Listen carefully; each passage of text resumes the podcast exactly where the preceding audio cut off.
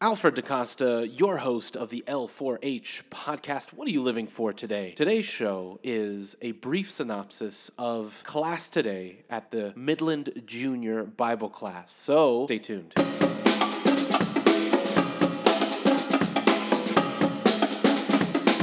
The title of this unit is The Bible Trustworthy and Enduring. The answer is obviously yes, because we go to an Adventist school, the children at the school are Christian, and so what's the point? I have positioned this question to the students in such a way that they can truly answer the question for themselves. Yes, universally, it has been proven factually, but what about for these guys individually? The new Encounter curriculum is allowing for the students to do exactly that. I've titled today's episode Making Mistakes. The focus of the lesson today was to identify if the Bible writers were careful and if there was a mistake made, what consequence was there?